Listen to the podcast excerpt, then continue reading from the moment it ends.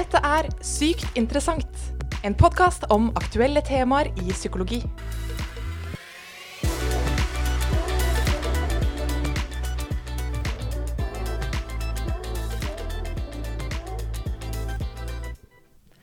Hei til deg som lytter på denne episoden, og velkommen til en bonusepisode i anledning Valentine's Day. Temaet vi skal snakke om, det er kanskje ikke så overraskende, nemlig om forhold. Nærmere bestemt om varige forskjeller i parforhold. For vi mennesker, vi er jo forskjellige, og det kan jo være spennende og interessant. Men det kan jo også være sykt irriterende, og det kan skape store konflikter. Ja, dette høres kanskje litt uh, dyster ut på alle hjertens dag, som valentines er, men uh, fortvil ikke. Jeg tror du kommer til å sitte igjen med masse god og nyttig kunnskap som uh, heller bidrar til å fremme et godt forhold. Og med meg for å snakke om dette, så har jeg, Mette Espe Myrmæl, invitert først og fremst min kjære kollega Helene Faksvåg, hallo. Hei, hei. Og Ragnhild Austheim. Hei. Hei. Um, hvordan kjenner dere hverandre? Ja, eh, vi blei jo kjent på familievernkontoret Oslo nord, der Helene jobba før, og jeg fortsatt jobber. Eh, og da begynte vi å holde kurs eh, sammen. Det var vel eh, det første vi gjorde, og siden så har vi holdt veldig, veldig mye kurs, da. Mm. Mm. Og det er samlivskurs, ikke sant? Det er samlivskurs. Det er et kurs som heter bufferkurs for par. Som er utvikla av Anne Marie Fosse Teigen. Um, mm. Og vi er jo så heldige å få høre litt fra det kurset her, da. Så vi starter med denne faste spalten, uh, Ragnhild. Um, sykt personlig, som er en spalte for å bli litt bedre kjent med dagens gjest. Ja. Da er det jo disse tre spørsmålene, så da lurer jeg på hva innen psykologi driver du med? Ja, jeg er jo da psykolog, um, og jeg jobber da på familievernkontoret Oslo nord. Uh, og der så møter jeg mye par, uh, familier og foreldre som uh, opplever vansker, i, relasjonelle vansker. Um, og så i tillegg til da samtaler, så holder jeg mye kurs, da. og spesielt mye da, dette bufferkurset, men også kurs for uh, foreldre som uh, har et utfordrende samarbeid. Så spennende jobb, hørtes det ut som, og viktig. Mm. Ok, Spørsmål nummer to. Hva kunne du ikke klart deg uten? Um, ja, uh, jeg kunne ikke klart meg uten uh, lakris. Jeg er veldig glad i lakris. Hey. ja, så det hadde vært et uh, grått liv uten det. Morsomt. Har du en favoritttype? Uh, oh, den salte. Ja. Det, det, er det beste, ja. Ja, Lakris er ikke er salt bryr meg ikke så mye om, egentlig. mm. Den avskuer du. Mm. ja, det er godt, da. Mm. Skulle gjerne ha servert litt lakris her i dag, men ja. det hadde ikke, kanskje ikke hørtes så bra ut på podkasten. Nei, det eh, sånn lakris mellom. Og så spørsmål nummer tre, som er eh, litt mer personlig og til dagens uh, tema. Hva er de største forskjellene i ditt parforhold. Nå har jeg ikke spurt om du er et parforhold, da, men uh, Ja, ja nei, heldigvis så er jeg det, da, ja. så jeg kan svare på det spørsmålet. ja. um, den største forskjellen eh, mellom oss, den er veldig tydelig, og veldig mange kommenterer på den når de møter oss. Og det er at samboeren min, han er veldig mye mer utadvendt og sosial enn det jeg er, da. Så eh, jeg har hørt noen eh, til og med kalle oss for yin og yang, da, på grunn av, på grunn av at det er så, en så markant forskjell. Mm. Spennende. Og det er jo det vi skal eh, snakke om i dag, nemlig disse varige forskjellene. Og ja, hvordan det kan bidra til negative konsekvenser. Men så tipper jeg jo at vi kommer til å snakke litt om hvordan vi kan snu det da, til noe, noe mer positivt. OK, men da setter vi i gang.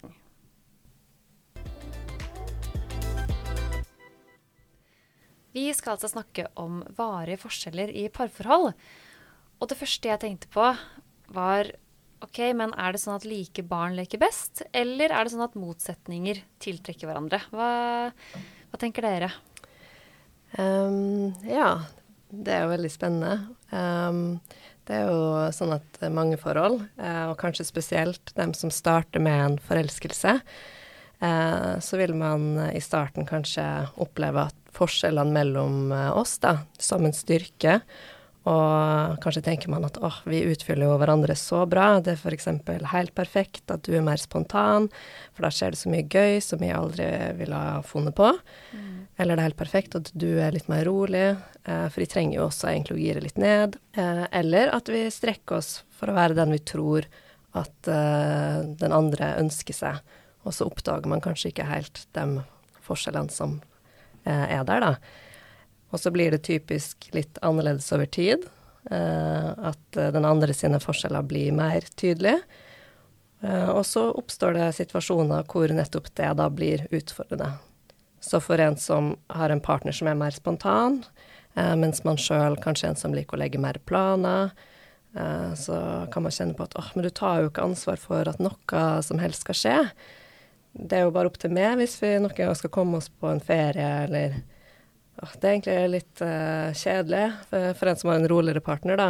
Um, at uh, du bare vil være hjemme på fredagskveldene. Når skal det egentlig skje noe her, eller Ja. Og siden disse utfordringene da, det bunner i at vi er varig ulike, altså varig forskjellige, så støter vi jo på dem igjen og igjen. Og da blir det ofte uh, vondt, og kanskje vondere over tid også. Eh, og man kan bli litt stående fast i at åh, men hvis den andre bare kunne endra seg på akkurat dette, uh, så ville det blitt veldig bra, eller sånn som vi har det nå, sånn kan vi ikke ha det. Uh, og da har det at man uh, er forskjellige, blitt noe truende, da. At det oppleves litt mer som her er det med mot det. Mm. Mm. Mm. mm og på det med uh, om det er best å være veldig like, eller om det er best å være forskjellig, så opplever jeg fra de kursene vi holder, at vi får høre veldig mye forskjellige svar på det. At det er en del par som sier å, det er så fint fordi vi er så like, og det gjør at vi forstår hverandre så godt, og det fungerer veldig fint.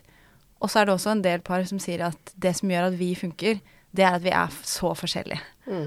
Det, og så ser du på en måte de lyser litt opp, og at det at de er forskjellige, det er noe som gir de parene eh, energi og eh, spenning. Mm. Eller ja, forskjellig. Og, og de eh, forskjellene kan også være veldig både og, da. At mm. Eh, man kan sette pris på dem i noen sammenhenger, og så i andre sammenhenger så møter man på utfordringa pga. den, da. At det blir litt sånn forsiden og baksiden av medaljen ved en egenskap, på en måte, da. Mm, mm. Veldig. Og det er det mm. typisk at i gode perioder så kan vi jo se tydeligere også de positive sidene ved det at mm. partneren er forskjellig.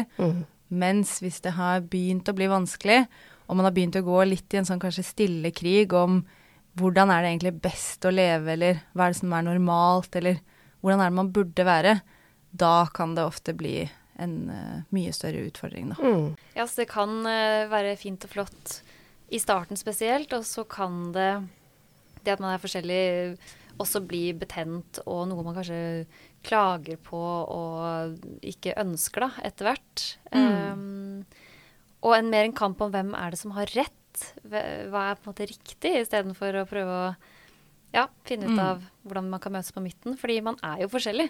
Mm. Um, så det er jo ikke den ene som har mer rett enn den andre, men uh, finne en slags løsning på dette her, da. Mm. Ja, det er veldig typisk at man blir enda opp med å diskutere hva er det som er normalt, eller hvordan er det man burde være. Det i hvert fall hjemme hos oss kan bli en sånn klassisk eh, format når de varige forskjellene våre eh, mm. dukker opp. Da. Mm. Jeg tror nok mange kjenner seg igjen i dette her. Uh, så kanskje valentinsdagen er mer en slags uh, kilde til konflikt enn kjærlighet. Fordi det kan jo tydeliggjøre forskjeller ved f.eks. For at på valentine så er det jo sånn Kanskje forskjellen mellom hvordan man liker å vise kjærlighetsspråk, da, kommer mm. tydelig fram. Om man liker å markere dagen med en gave, um, eller om man ikke er så veldig opptatt av det. Mm. Um, så kanskje i dag for noen er litt sånn betent. Det tror jeg absolutt. Det er jo ofte når det kommer en sånn dag hvor man har forventninger til dagen, og hvis man da går inn i det med ulike forventninger, så er det klassisk at det kan bli en kilde til noe som er vanskelig, da. Og der viser jo også eh, forskning fra Gottmann har jo forsket på dette her med forskjeller. Mm. Der ser man også at det er om lag da 69 av eh, forskjeller i par, de er varige over tid. Så ja. det at man krasjer på de punktene som Ragnhild snakket om, det er typisk at det er de samme punktene man da krasjer på igjen og igjen. Og det er jo en del deler ved personligheten vår som vi merker i det daglige. Hvis du f.eks. én er bedre på å planlegge, mens en annen er bedre på å ta ting litt sånn spontant, så er jo det en forskjell som ofte viser seg mange ganger eh, hver dag. Så vi holder liksom på med de samme temaene Ja. Mm. i parforhold. 69 Mm. av eh, kranglene er de samme. Mm. Det er veldig Ja, det er de samme temaene, har man sett, som går igjen. Ja. Gottmann, han eh, som har forska, en stor forsker eh, på par, eh, han um, han forska på dette ved å invitere par inn i det han kalte for sitt liksom, kjærlighetslaboratorie. Da. Der han liksom ja, inviterte tusenvis av eh, par. Um, og en av de tinga han ba dem eh, om å gjøre, det var å snakke om noe de var uenige om. Eh, og så inviterte han de samme para til å komme tilbake noen år etterpå, og ba dem om å gjøre den samme oppgaven. Og som eh, det han så da, var at det veldig ofte var det samme temaet eh, de snakka om da. Så da konkluderte han med dette 69 da. Mm. Det vil kanskje lytterne også kunne merke, at Mm. det, du, det som blir vanskelig med partneren din i dag, det er mest sannsynlig også de tingene du begynte å reagere på helt i starten eller for fem år siden.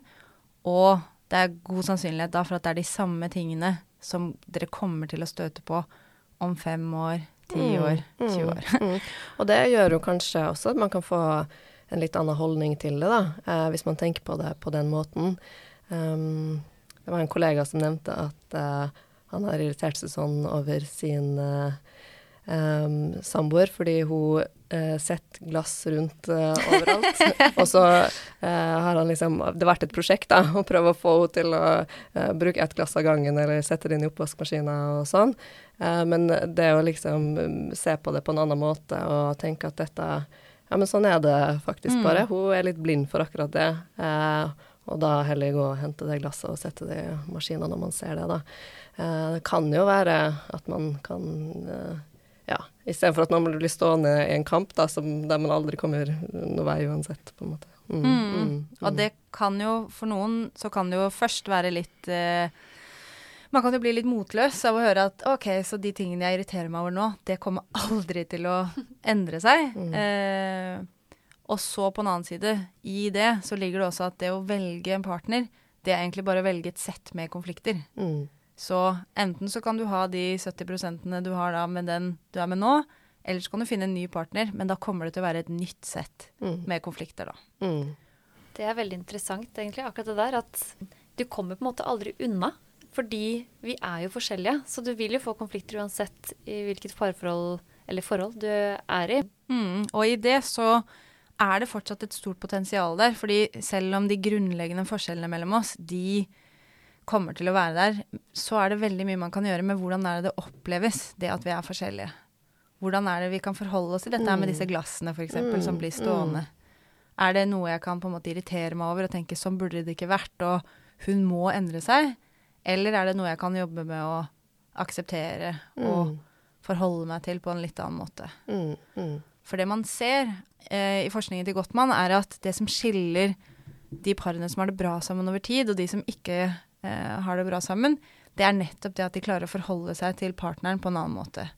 Hvor de ikke prøver å endre partneren, men hvor de aksepterer partneren sånn som partneren er. Eh, og så er det jo en del forskjeller som selv om man jobber med å møte de på en annen måte, så er de fortsatt litt irriterende. Men eh, man kan jobbe med det sånn at det også kan være noe som skaper en større nærhet. Mm. Eh, og virkelig kanskje få den opplevelsen av at OK, du kjenner meg helt innerst inne, og du vet virkelig hvem jeg er, og jeg vet eh, hvem du er. Mm. De uh, para som har det godt sammen, at de er, de er på en måte gode på å se på Eller å, for, å fortsette å bli kjent, da, Mm. egentlig. Eh, og være liksom nysgjerrig når de her forskjellene dukker opp. Men hva er det som gjør at dette her er så viktig for deg, da? Eller hvorfor vekker akkurat dette så mye um, hos deg? Um, Istedenfor å eh, gang på gang bli fanga i den diskusjonen om min måte eller din måte. Mm. Um, og så, ja, så havner man jo kanskje der noen ganger uansett, men uh, fordi det er et tema som vekker mye i begge. Um, mm. Men uh, at ved å kunne utforske temaet litt mer, så, så kan man kanskje finne ut av at OK, dette handler om noe ganske annet enn det jeg har tenkt at det handler om, da. Mm. Mm. Der kan jeg jo for så vidt dele et eksempel fra mitt eget parforhold. Jeg har vært sammen med min samboer i ja, det er vel 13 år eller noe sånt nå, nå, så vi har fått god tid til å bli godt uh, kjent med hverandre. Og vi er forskjellige på en sånn veldig typisk eh, område som mange også er forskjellige på, og det er at jeg er ganske mye mer utadvendt og liker veldig godt å være med folk, mens han er ja, vel, han er ganske introvert og lader best alene. Og det var en sånn typisk varig forskjell som i starten av forholdet, og ganske langt inn egentlig, ble ganske sånn vond og vanskelig. Hvor jeg følte meg veldig avvist av at han da trengte tid alene. Mens da over årene så har vi jo eh, Så har jeg på en måte blitt bedre kjent med han og fått en annen forståelse for hva det handler om. Og at det da dreier seg om at han Det handler ikke om meg eller oss eller noe sånt, men det handler bare om at han trenger mer tid eh, helt alene, da.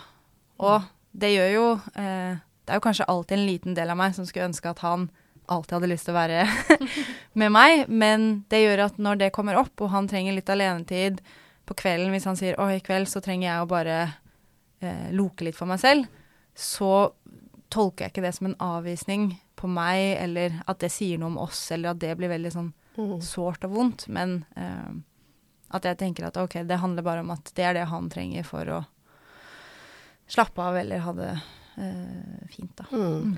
Og der ligger på en måte noe av nøkkelen, da. Fordi man, eh, man blir kanskje litt opptatt av at eh, den andres måte er feil. Eh, I verste fall så tenker man at eh, den andre eh, tydeligvis ikke respekterer det, eller kanskje eller bare bryr seg om seg sjøl. Um, men dersom man istedenfor å prøve å overtale den andre, eller um, eh, forsvare din måte, altså prøve å forstå partneren din eh, litt bedre, da, så, så eh, kan man jo finne ut av det eh, som Helene forteller om her, ikke sant. Ok, det handler ikke om at eh, det handler ikke om at du ikke har lyst til å være sammen med meg, det handler om at du, det er det du trenger for å lade opp eh, og få energi, da. Det får du gjennom å ha din egen tid, da. Eh, og da kan det endre seg fra noe som eh, eh, skaper avstand, til noe som eh, er med på å skape mer nærhet, da. En opplevelse av at eh, Ja, men jeg kjenner virkelig det, eller mm. Ja, så vi kommer ikke unna at vi er eh, forskjellige. Og en, noen måter man kan håndtere det på, da virker det som, ut fra det jeg har skjønt hva dere har sagt, eh, så er det det å prøve å akseptere de forskjellene med, ved hverandre. Og være nysgjerrige på, på hva det er, og hva det handler om. Og ikke ta det som i verste mening med en gang, som avvisning f.eks., men prøve å forstå det. Og at det egentlig kan være en positiv ting ved å føle seg enda mer nær hverandre, da. Men jeg kjenner jo at jeg, jeg tenker at ja, det er veldig fint, og jeg kunne ønske jeg klarte å bruke det i praksis. Men det er jo jeg må si, det er jo noen ting som er veldig irriterende at man er forskjellig på. La meg ta et klassisk La meg et spørsmål for, eh, for en venn. Kremt, kremt. Hvis man er forskjellig på orden hjemme, dette er jo klassisk, Ja. ikke sant? Eh, den ene er opptatt av å ha det ryddig og vaske, eh, mens den andre satt på spissen, ligger i stjerne på sofaen og ser ikke rotet, da. Mm. Eh, det er litt sånn som med de glassene de snakket om i stad, Ragnhild. Men er det da liksom det å akseptere det og tenke at ja, det er forskjellen, på en måte? Eller har dere noen tips til de av oss som sliter med det? Da kan jeg jo si det er ikke noe eh, quick fix. Og så spørs det jo også på hvor fastlåst det har blitt. Mm. At den situasjonen som du tar frem, det kan jo være alt fra noe som er litt sånn åh, det irriterer meg litt, til å ha blitt noe som eh, virkelig har blitt fastlåst og veldig vondt og vanskelig. Og dess mer fastlåst det har blitt, dess lengre prosess er det jo da ofte å jobbe seg litt eh, ut av det. Og, Mm. Og noen av de temaene her er jo kanskje tema man må ta opp med jevne mellomrom eh, eh, gjennom livet, da. Eh, fordi de, eh, det vil ikke stoppe å komme situasjoner der det også blir um, utfordrende. Og der hvor målet er å prøve å forstå ok, hvordan er det det her oppleves og ser ut eh, innenfra for partneren min. Mm, mm. Så prøve da, for den som liker å ha det ryddig, å virkelig prøve å sette seg inn i ok, hvis jeg hadde den samme historien, den samme personligheten som eh, partneren min, og jeg lå der i stjerne på sofaen, da, Mm. hvordan ville det vært? Hvordan ville jeg tenkt da? Hvordan ville jeg følt da? Hvordan er den eh, opplevelsen? Og liksom virkelig prøve å forstå den andre innenfra. Mm. For da er det typisk at vi kan ha litt mer medfølelse for at å ja, ok, så når du ligger der på sofaen, så er det en grunn til at uh, du gjør det. Det er fordi at du syns ikke dette er så viktig, eller du får liksom ikke de impulsene som jeg får om å prøve å gå opp og begynne å rydde. Eh, at Mm. hvis jeg var deg, så ville jeg også tenkt at vi ikke trengte å ha det så shina. Også motsatt, da. At han som Mm. ligger på sofaen, kan Mm. uh, på en måte sette seg inn i hvordan er det her for hun som prøver å få det her ryddig, og som gang på gang ser at jeg bare ikke er helt med på det prosjektet. Mm. Og, for- og for mange av oss er det jo å snakke sammen på denne måten, det er en ganske uvant måte å, å snakke på, da. Um, så det, det er også en sånn ferdighet som, som må trenes opp, da. Man må liksom øve for å, for å bli god på det, som regel. Mm. Mm. Mm. Og jeg kjenner jo veldig på det at når vi snakker om det nå, og hvis jeg tenker på varige forskjeller generelt, syns jeg det er kjempespennende og blir liksom fullt av energi og veldig glad og positiv. Også når jeg står i mine egne varige forskjeller i mitt parforhold, så er det ikke sånn jeg opplever det. Det er noe annet i eh, å, å bruke teorien i praksis. Eh, ja, ja, ja. Ja. Mm. Nei, men det må jo være noe av det fineste man kan gjøre for hverandre, er jo nettopp det å prøve å sette seg inn i hverandres hoder og forstå den andre. Mm. Eh, Og virkelig prøve det. Eh, Men det krever at begge parter er, er med på det, da. Så ikke det For jeg tenker jo at for meg så tenker jeg at parforhold ofte handler om en, å finne en balanse mellom sine egne behov og som man er, ta vare på det, og samtidig føye seg til og tilpasse seg og forstå den andre. At det er en evig sånn balanse mellom de to tingene. Um, at det vil ja, kunne skape konflikter ved jevne mellomrom. Og vi øns- målet vårt skal vel ikke heller være å ha et konfliktfritt parforhold. Det er vel heller prøve å håndtere det på en best mulig måte, som ikke skaper disse vonde, varige, piggende ute-stemningen. Mm. Mm. Det er jo klassisk at forskjellene kan få frem litt de piggene ute, og at vi blir sittende i hver vår skyttergrav og hele tiden ha en litt sånn stille krig på hvordan er det man egentlig burde være. Og det gjør på en måte vondt verre, da. Men et, eh, et liv uten forskjeller, eller også tenker jeg et liv hvor man er veldig like, det er jo ikke sikkert at det hadde vært så Mm. utrolig behagelig.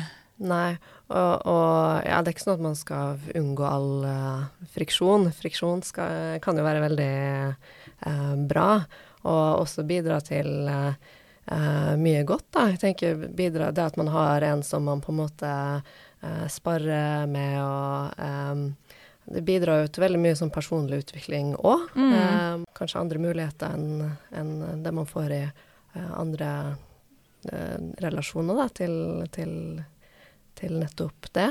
Eh, og så handler det jo eh, ikke om at man ikke skal ha noen konflikter eller ikke være uenige, men at man skal kunne At det kunne likevel kjennes eh, trygt ut, da. Mm. Eh, at, det ikke, sånn at det ikke kjennes ut som hele parforholdet står på spill hver gang vi kommer borti dette temaet om eh, hvem som eh, vasker mest klær, på en måte. Eller sånn at det, at det blir veldig fort stort og vondt, da.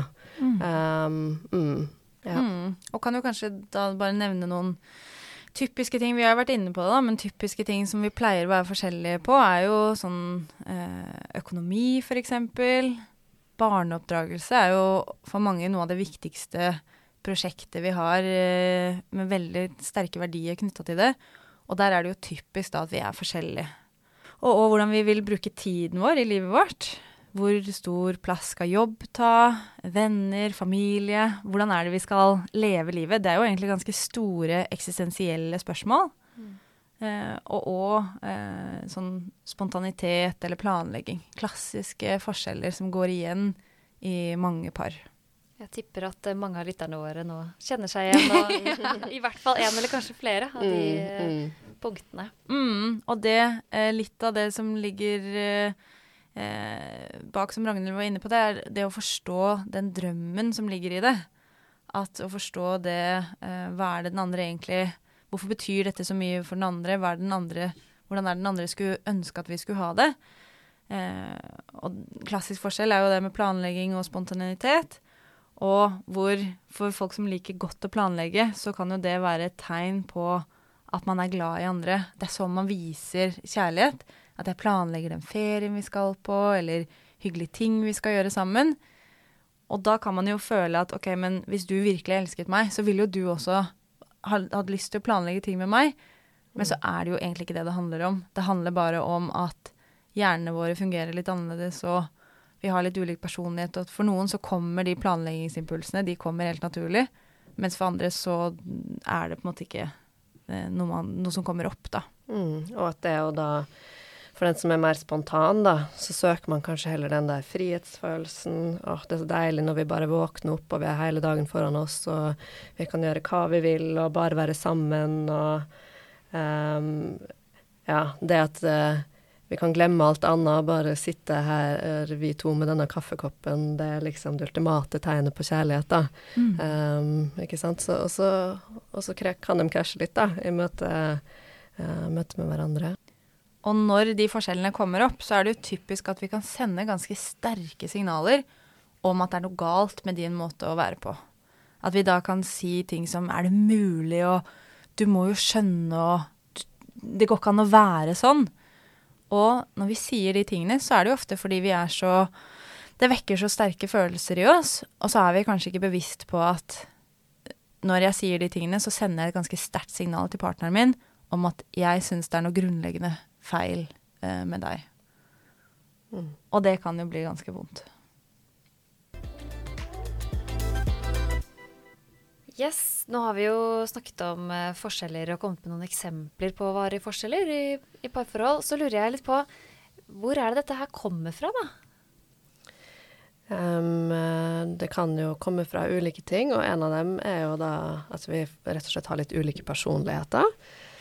Em, at vi er litt ulike på behov for struktur, f.eks. Um, eller at uh, vi har litt ulikt eh, tempo. Uh, kanskje den ene mer nevrotisk eller bekymra enn den andre.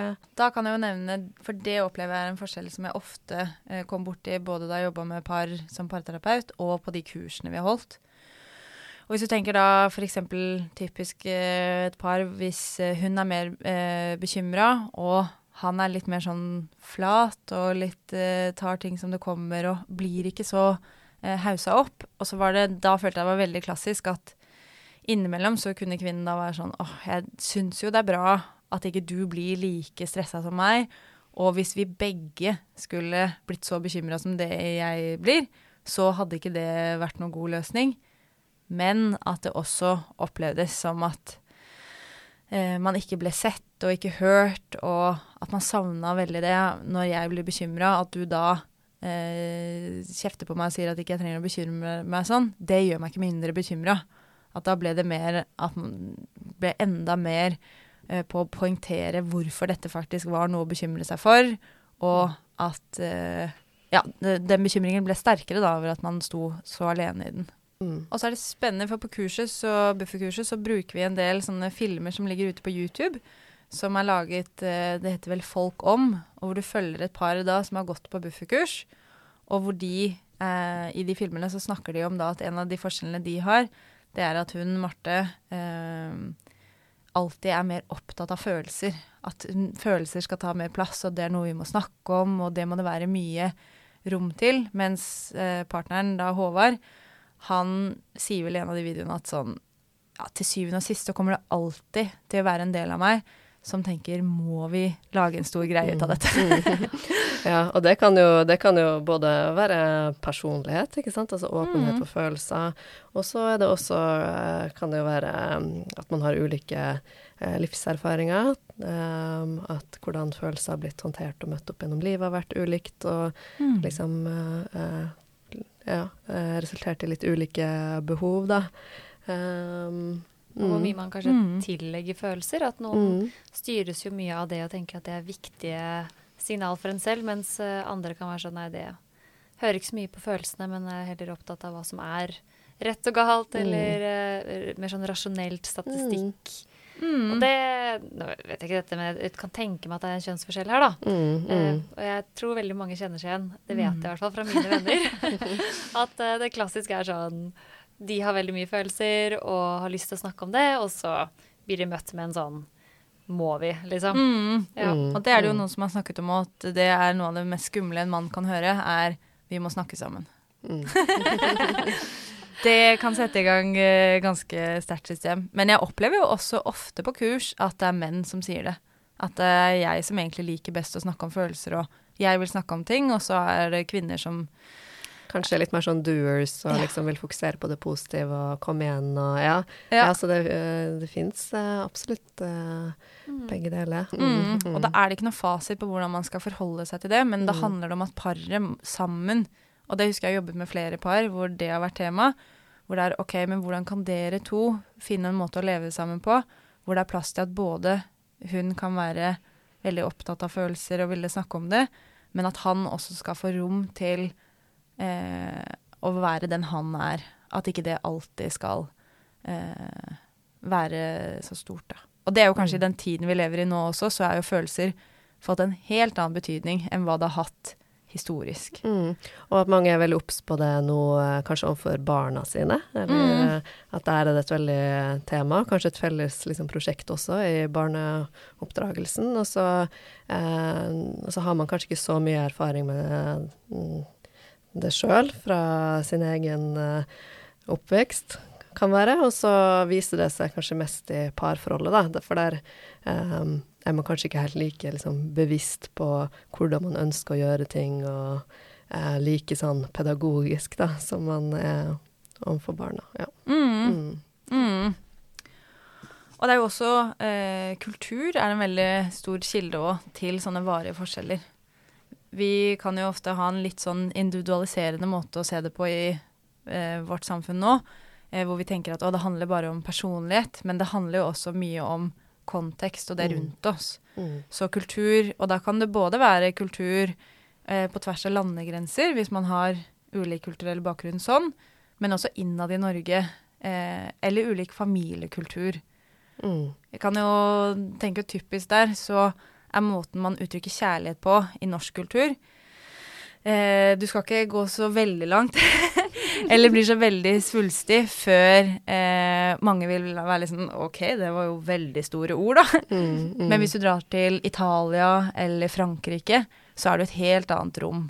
Og det er vel eh, farsi også, men jeg har hørt Mm. at det er et språk hvor man snakker mye mer i bilder, og det er mye mer eh, poetisk. Mm. Og det gir jo en helt annet, et helt annet rom til å uttrykke kjærlighet.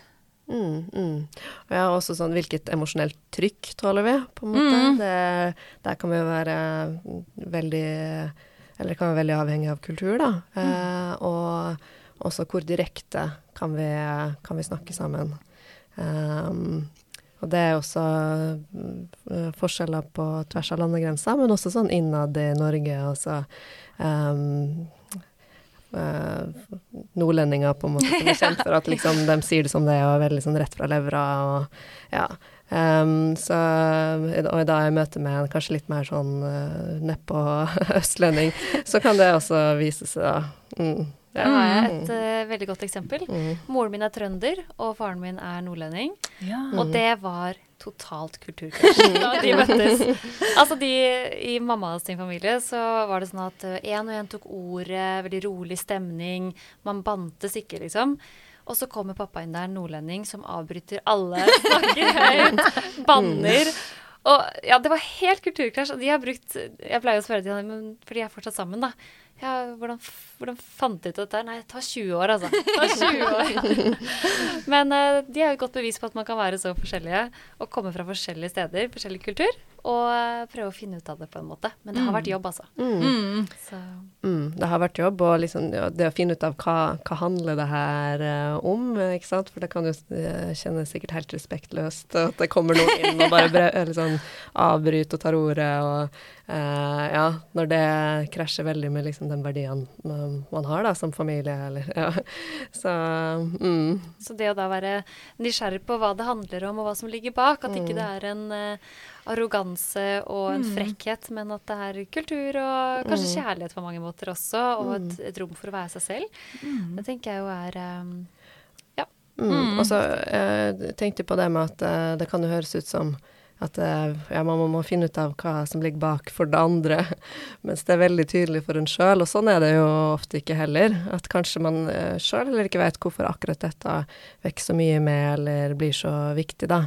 Um, og at eh, Så det er liksom både det å bli bedre kjent med den andre, men, men også å være litt sånn nysgjerrig på seg uh, sjøl, da. Eh, hva er det som gjør eh, at det f.eks. er så viktig for meg at eh, vi spiser middag eh, sammen? Og når du setter deg på telefon eller kommer for seint, så, så, så liksom mister jeg helt troa på oss, liksom. Mm. Det, det blir så stort, da.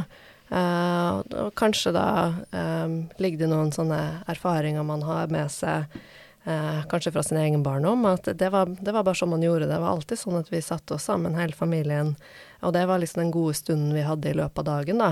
Mm. Og når du ikke er med på det, altså det som er da eh, min, eh, min drøm da, om hvordan jeg ønsker å uh, ha det, så uh, blir det skikkelig, skikkelig, skikkelig vanskelig. Um, og ja, og gjerne, det ligger gjerne ikke så tilgjengelig for oss alltid, at man liksom trenger liksom hm, ja, hva er det her, hva er det der handler om? Mm. Ja, det kan jeg jo nevne. Det har jeg vokst opp eh, Jeg har vokst opp med det at middager, det var en veldig sånn hellig Eller hellig tid, men det var en tid hvor vi satt lenge ved bordet og snakket, og det har, tror jeg, noe jeg har tatt med meg som en sånn viktig verdi. Og hvis min partner da hadde begynt å gå fra bordet veldig tidlig, eller ofte ikke kommet hjem til middag, f.eks., så hadde det skurra veldig for meg, tror jeg. Mm, mm. Og hvis jeg da typisk bare begynner å eh, argumentere og kritisere han og være sånn Du bryr deg ikke om familien, og hvorfor er du sånn, og du må jo skjønne at jeg har stått og laget mat, og så kommer du hjem mett, f.eks. Du må skjønne at ikke det går an. Mm. Så er jo kanskje ikke det noe som inviterer han til å få lyst til å spise middag eh, med meg. Men hvis jeg kan sette mer ord på eh, hva det har betydd for meg opp igjennom, da. Mm. At middag, det det betyr så mye, og det er så hyggelig. Og det er noe av det hyggeligste jeg husker fra da jeg var eh, liten. Og det er noe jeg virkelig har lyst til å ha sammen med deg, og at vi skal gjøre sammen. Så er det kanskje noe som han da får mer lyst til å gjøre, fordi Mm, mm, det nettopp er noe som eh, betyr noe for meg, da. mm, å mm. lage bedre mat, kanskje. Ja. Der har jeg faktisk kommet inn i en ordning hvor det er han som lager mat, så det Vinn-vinn. Ja. Det Og disse forskjellene kan jo også stamme fra andre ting. eh, Sånn eh, dyptgripende, sterke opplevelser som har gitt oss eh, noen sånne leveregler, eh, og er veldig førende for oss. Eh, og da er det jo typisk f.eks. hvis man har opplevd mobbing eller andre sterke eh, negative ting, hvor man kjenner på at hvis jeg opplever noe som ligner på det, så eh, går jeg helt i lås. Da blir jeg veldig sint eller veldig redd eller veldig lei meg. Uh, for eksempel da hvis det er noen som sier noe som egentlig er nøytralt, men som minner om eh, noe som jeg har opplevd som veldig negativt før, så kan det eh, skape en veldig sterk reaksjon. Og den reaksjonen er jo typisk at den kan være helt uforståelig for partner, og kanskje en selv. Men hvis man klarer å sette litt mer ord på at ok, det at jeg reagerer så sterkt nå, det handler egentlig ikke om deg, men det handler om dette her, liksom gamle tingen som jeg har med meg inn. Så Og så er det noe man ser da, at eh, Det er jo noen som sier at det som eh, At ting som på en måte blir ødelagt i relasjon, det kan bare heles i relasjon. Eh, så det er jo en sånn enorm mulighet, egentlig, for at vi kan på en måte litt reparere de sårene vi har med oss inn, med partneren vår. At det å eh, Når det ikke bare får spilles ut på autopilot, men at vi faktisk er litt sårbare og sier de tingene og blir møtt på en god måte, det er klassisk at det er sånne ting som kan eh, være veldig sånn helende for oss, da. Mm. For vi alle har jo noen triggere og noen sår vi tar med oss Mm. inn i forhold, som kommer ut i sterke reaksjoner. Kanskje sterkere enn det vi tenker er normalt, da. Mm. Og så er det jo da igjen å ta det, det blikket på seg selv og prøve å kanskje forstå seg selv. Hvor kommer dette fra? Fra min historie. Og formidle det til partner, da. Og det er ofte at det trenger man lang tid på å gjøre. Det er ikke sånn som bare blir gjort ø, over natten. Mm. Og så er det jo veldig viktig å nevne at nå snakker vi om hvordan er det vi kan forholde oss til forskjellene mellom hverandre, hvordan er det vi kan akseptere de, prøve å forstå partneren. Og da snakker vi jo om forskjeller eh, som er innenfor det som man bør prøve å forstå og akseptere. Så vi snakker jo ikke for, for der om hvis forskjellen er at partner eh, ruser seg på en måte som er skadelig for eh, familien eller deg, eller hvis det er vold.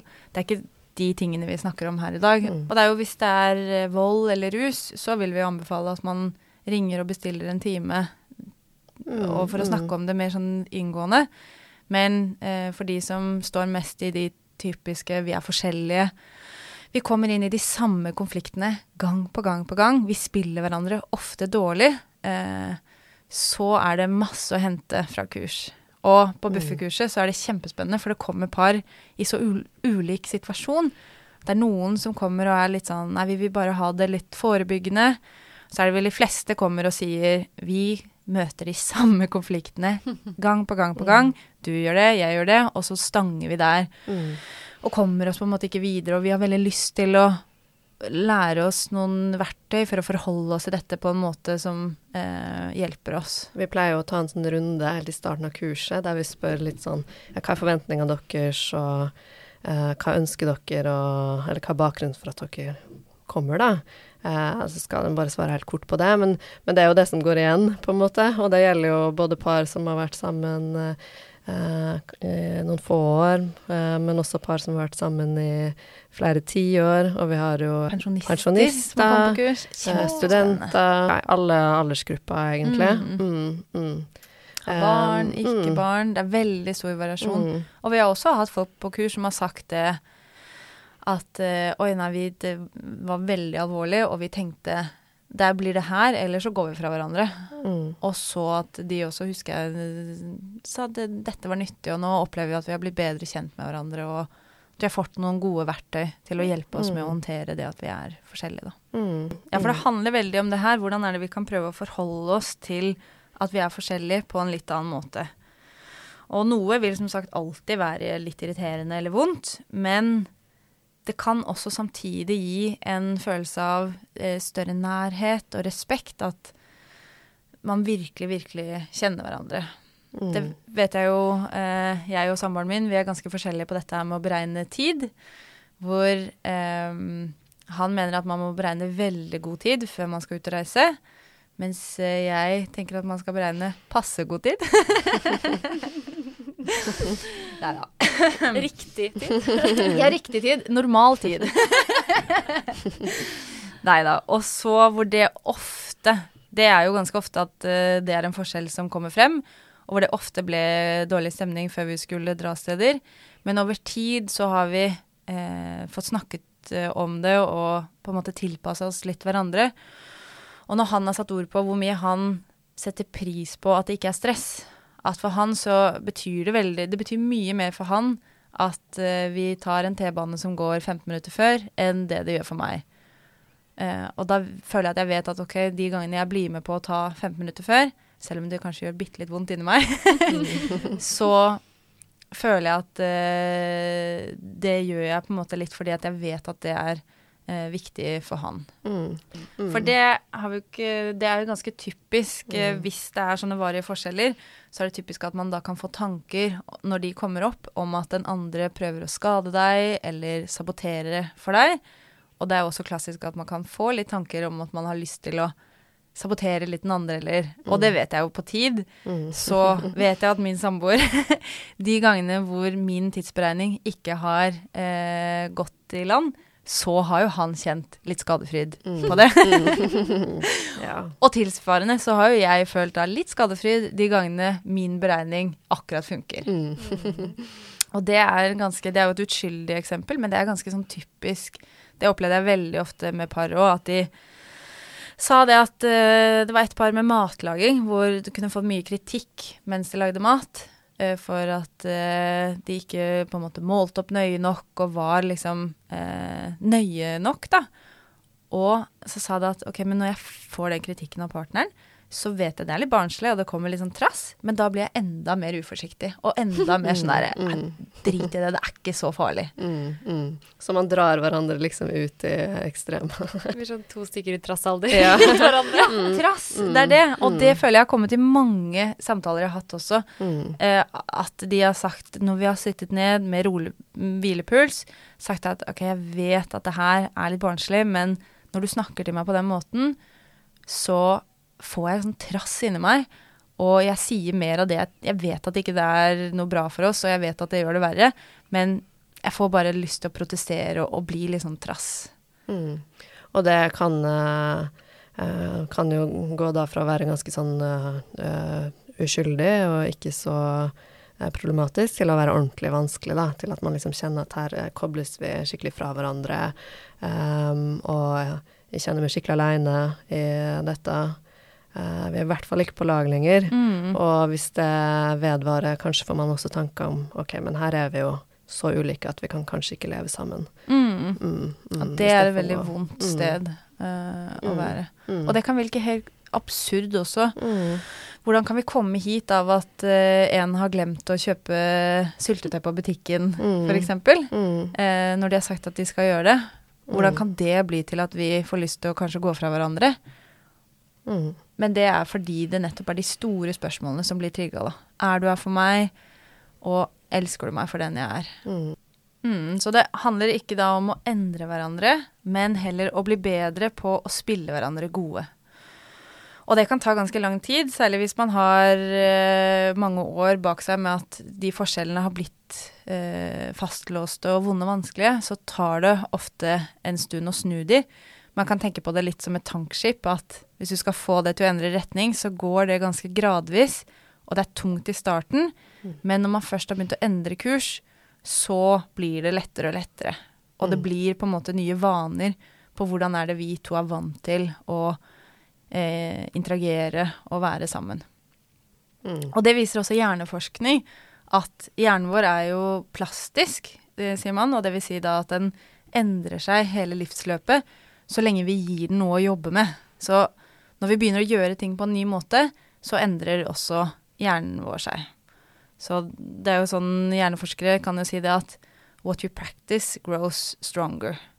Så for hver gang man blir flinkere eller forholder seg til forskjellene på en bedre måte, så blir det litt lettere neste gang. mm. Så hvis man kjenner at å, dette er veldig vanskelig eller veldig tungt, det krever så mye av meg, så er det egentlig et sånt godt uh, tegn, da. Eller sånn signal om at ok, nå prøver vi virkelig å gjøre noe annet her. Mm. Uh, eller nå prøver vi virkelig å gjøre noe annet her enn det vi har gjort eh, tidligere, da. Og Mens man prøver å jobbe med det, så er det mest typiske at man underveis kommer til å kjenne at hele kroppen skriker etter at du skal fortsette å gjøre mer av det du har vært vant til, og det som på en måte ikke har eh, funka, da.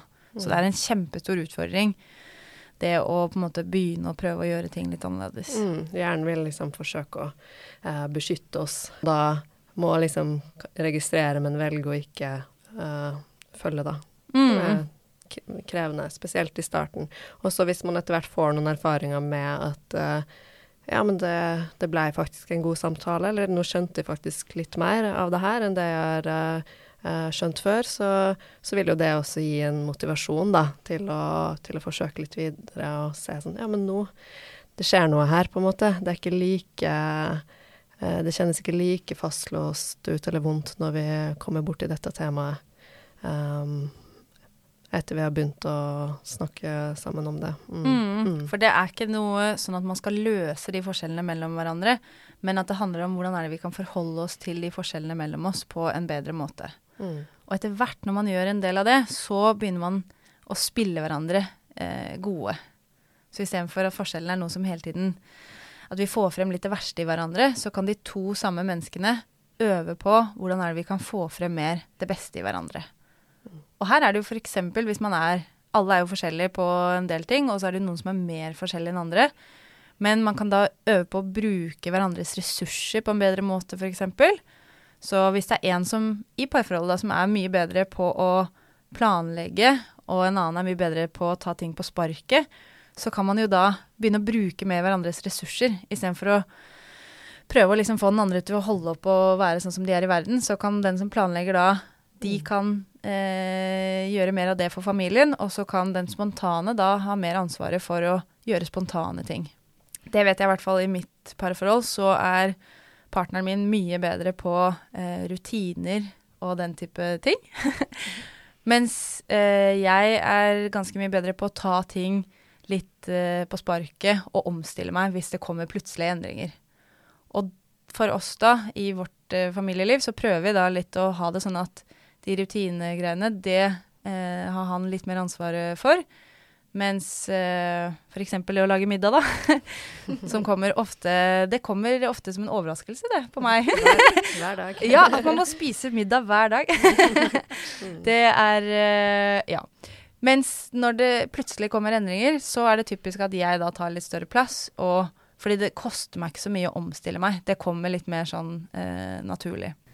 Og for du som sitter og tenker nå at uh, dette skulle jo være en uh, hyggelig valentines-episode, så eh, må jeg bare si at vi kommer også med en til episode hvor vi skal snakke mer om konkrete verktøy og ting man kan gjøre for å løsne opp litt med dette her, og for å håndtere det på en bedre måte. Så dette her er på en måte episode én, litt sånn start, og så kommer en til episode med mer konkrete verktøy, da. Men dere hadde også med en utfordring eh, til de som hører på. Eh, ja, vi har jo tenkt ut en utfordring. Um, og det er at eh, du kan tenke på en eh, varig forskjell i ditt eget parforhold. Uh, og eh, hva, hva er fordelen da ved at eh, partneren din er annerledes på denne måten, eh, eller på akkurat dette? Så prøv å em, reflektere litt over det. Em, kanskje kan du prøve å tenke litt på hvordan det her var i starten. Uh, var det annerledes da? Um, mm, Mm. Eller hvilke situasjoner er det det trekket som jeg Mm. kanskje irriterer meg over, mm, hvilke situasjoner er det det faktisk er en fordel, da? mm, Og uh, er det noe jeg egentlig setter pris på ved det? mm. Og- så er det jo også sånn at uh, vi har jo alle våre tilkortkommenheter. så vi er jo bare, bare mennesker, og det er jo også utrolig godt, da, hvis vi kan være i et parforhold der vi kjenner at uh, noen aksepterer oss akkurat som vi er, da. Mm. Ja, det kan bli, tenker jeg, nesten en sånn dypere form for kjærlighet. Både det å virkelig se den andre for den de er, eh, at ikke de må hele tiden være perfekt eller den beste versjonen av seg selv, og at vi kan se de da for den de er, og virkelig elske de uten at vi skal ha et prosjekt om at de skal endre seg, eller at de egentlig burde vært litt annerledes, men virkelig eh, bare elsker de for den, eh, for den de er. Og også oppleve det samme tilbake, da. Det å komme et sted og virkelig føle at ok, her får jeg lov å være hele meg, og det er ikke sånn at du tenker at jeg burde endre meg for at jeg skal være bra nok for deg, eller for at eh, du skal elske meg. Mm. Mm. Og da jeg tenkte før vi skulle komme hit og snakke om varige forskjeller, så kom jeg på et eh, dikt av Trygve Skau som jeg syns er kjempefint å få frem litt det budskapet av det vi har snakket om i dag.